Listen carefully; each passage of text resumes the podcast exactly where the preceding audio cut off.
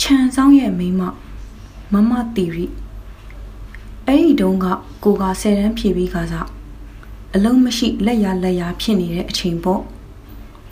မိဘတွေကဝန်ထမ်းတွေပေမဲ့အကိုအကြီးဆုံးကတော့စိုက်ပျိုးရေးလုပ်တယ်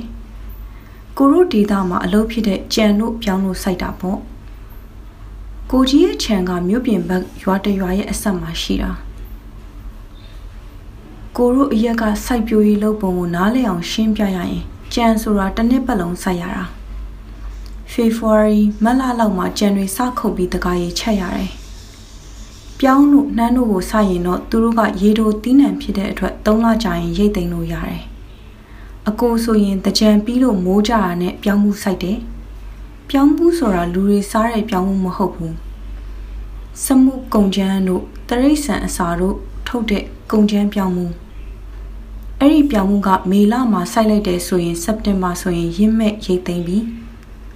ပြောင်းမှုတွေသိမ်းပြီးနိုဝင်ဘာလောက်ဆိုရင်နှမ်းတွေစိုက်တယ်ရန်ကုန်သူတွေကိုရိုးစီအလဲလာတဲ့အခါဓပုံဝင်ဝင်ရိုက်တဲ့အဝါရောင်ပန်းခင်းကြီးဟာကိုရိုးစိုက်တဲ့ပန်းနှံပေါ့ ပြောချင်တာကခြံထဲမှာတစ်နှစ်ပတ်လုံးအဲ့လိုတီးနှံတွေဆက်ရကြံခင်းကိုလည်းပြုစုရတော့အကိုဟာခြံဆောင်လင်မယားနှစ်ယောက်ငားထားရတယ်သူတို့လင်မယားကအကိုခြံဆောက်လုပ်တဲ့နှစ်ကလေးကခြံဆောင်ဖြစ်လာတာခြံထိတ်လေးနားမှာတဲလေးဆောက်ပြီးနေတယ်ခြံဆောင်ဆိုပေမဲ့သူတို့ကိုယ်ပိုင်လယ်တွေကျွဲတွေရှိတော့ခြေတံရှည်တဲအောက်မှာကျွဲတွေလည်းထားထားတတ်တယ် ကိုဆယ်ရန်ဖြည့်ရဲ့နှစ်မှာတော့ခြံဆောင်ရဲ့မိမကဘိုက်ကြီးနေတာအဲ့ဒီတော့ကကိုတို့မှာအခုလိုဖုန်းတွေအင်တာနက်တွေလည်းလက်လန်းမမီကြတော့ခြံထဲကတခုခုလိုအပ်ရင်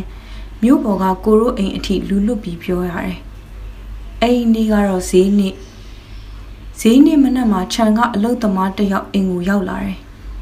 ခြံမှာစားစရာတောက်စရာရိတ်ခါကုန်ခန့်နီးပြီမို့ဈေးဝယ်ပို့ပေးပါလို့လာပြောတာ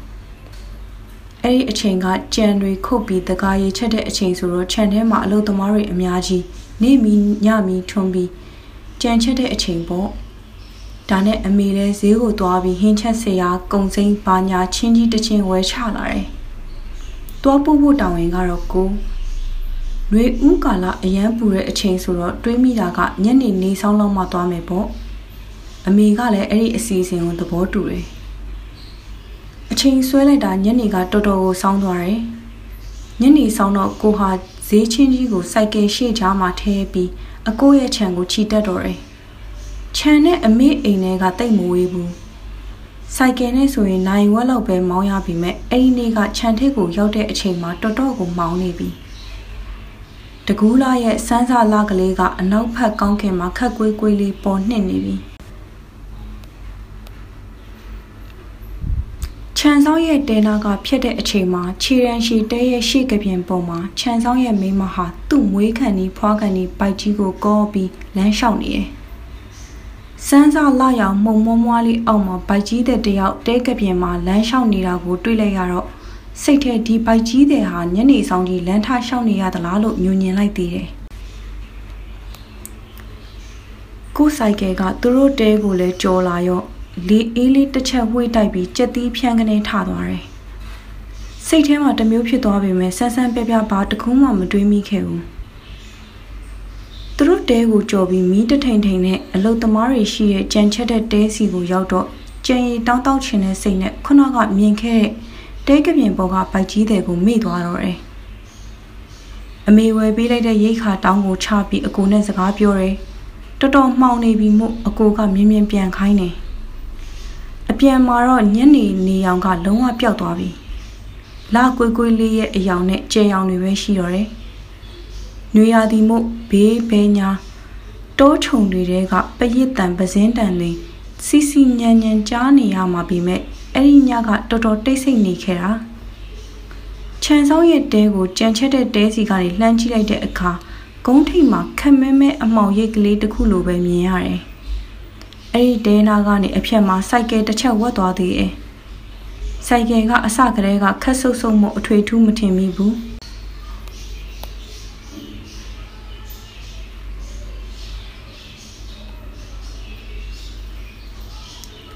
ဒါပေမဲ့တလန်းလုံးလူတယောက်ကိုစိုက်ကယ်နောက်မှာတင်လာရတယ်လို့မျိုးစိုက်ကယ်ကဝေးပြနေတာ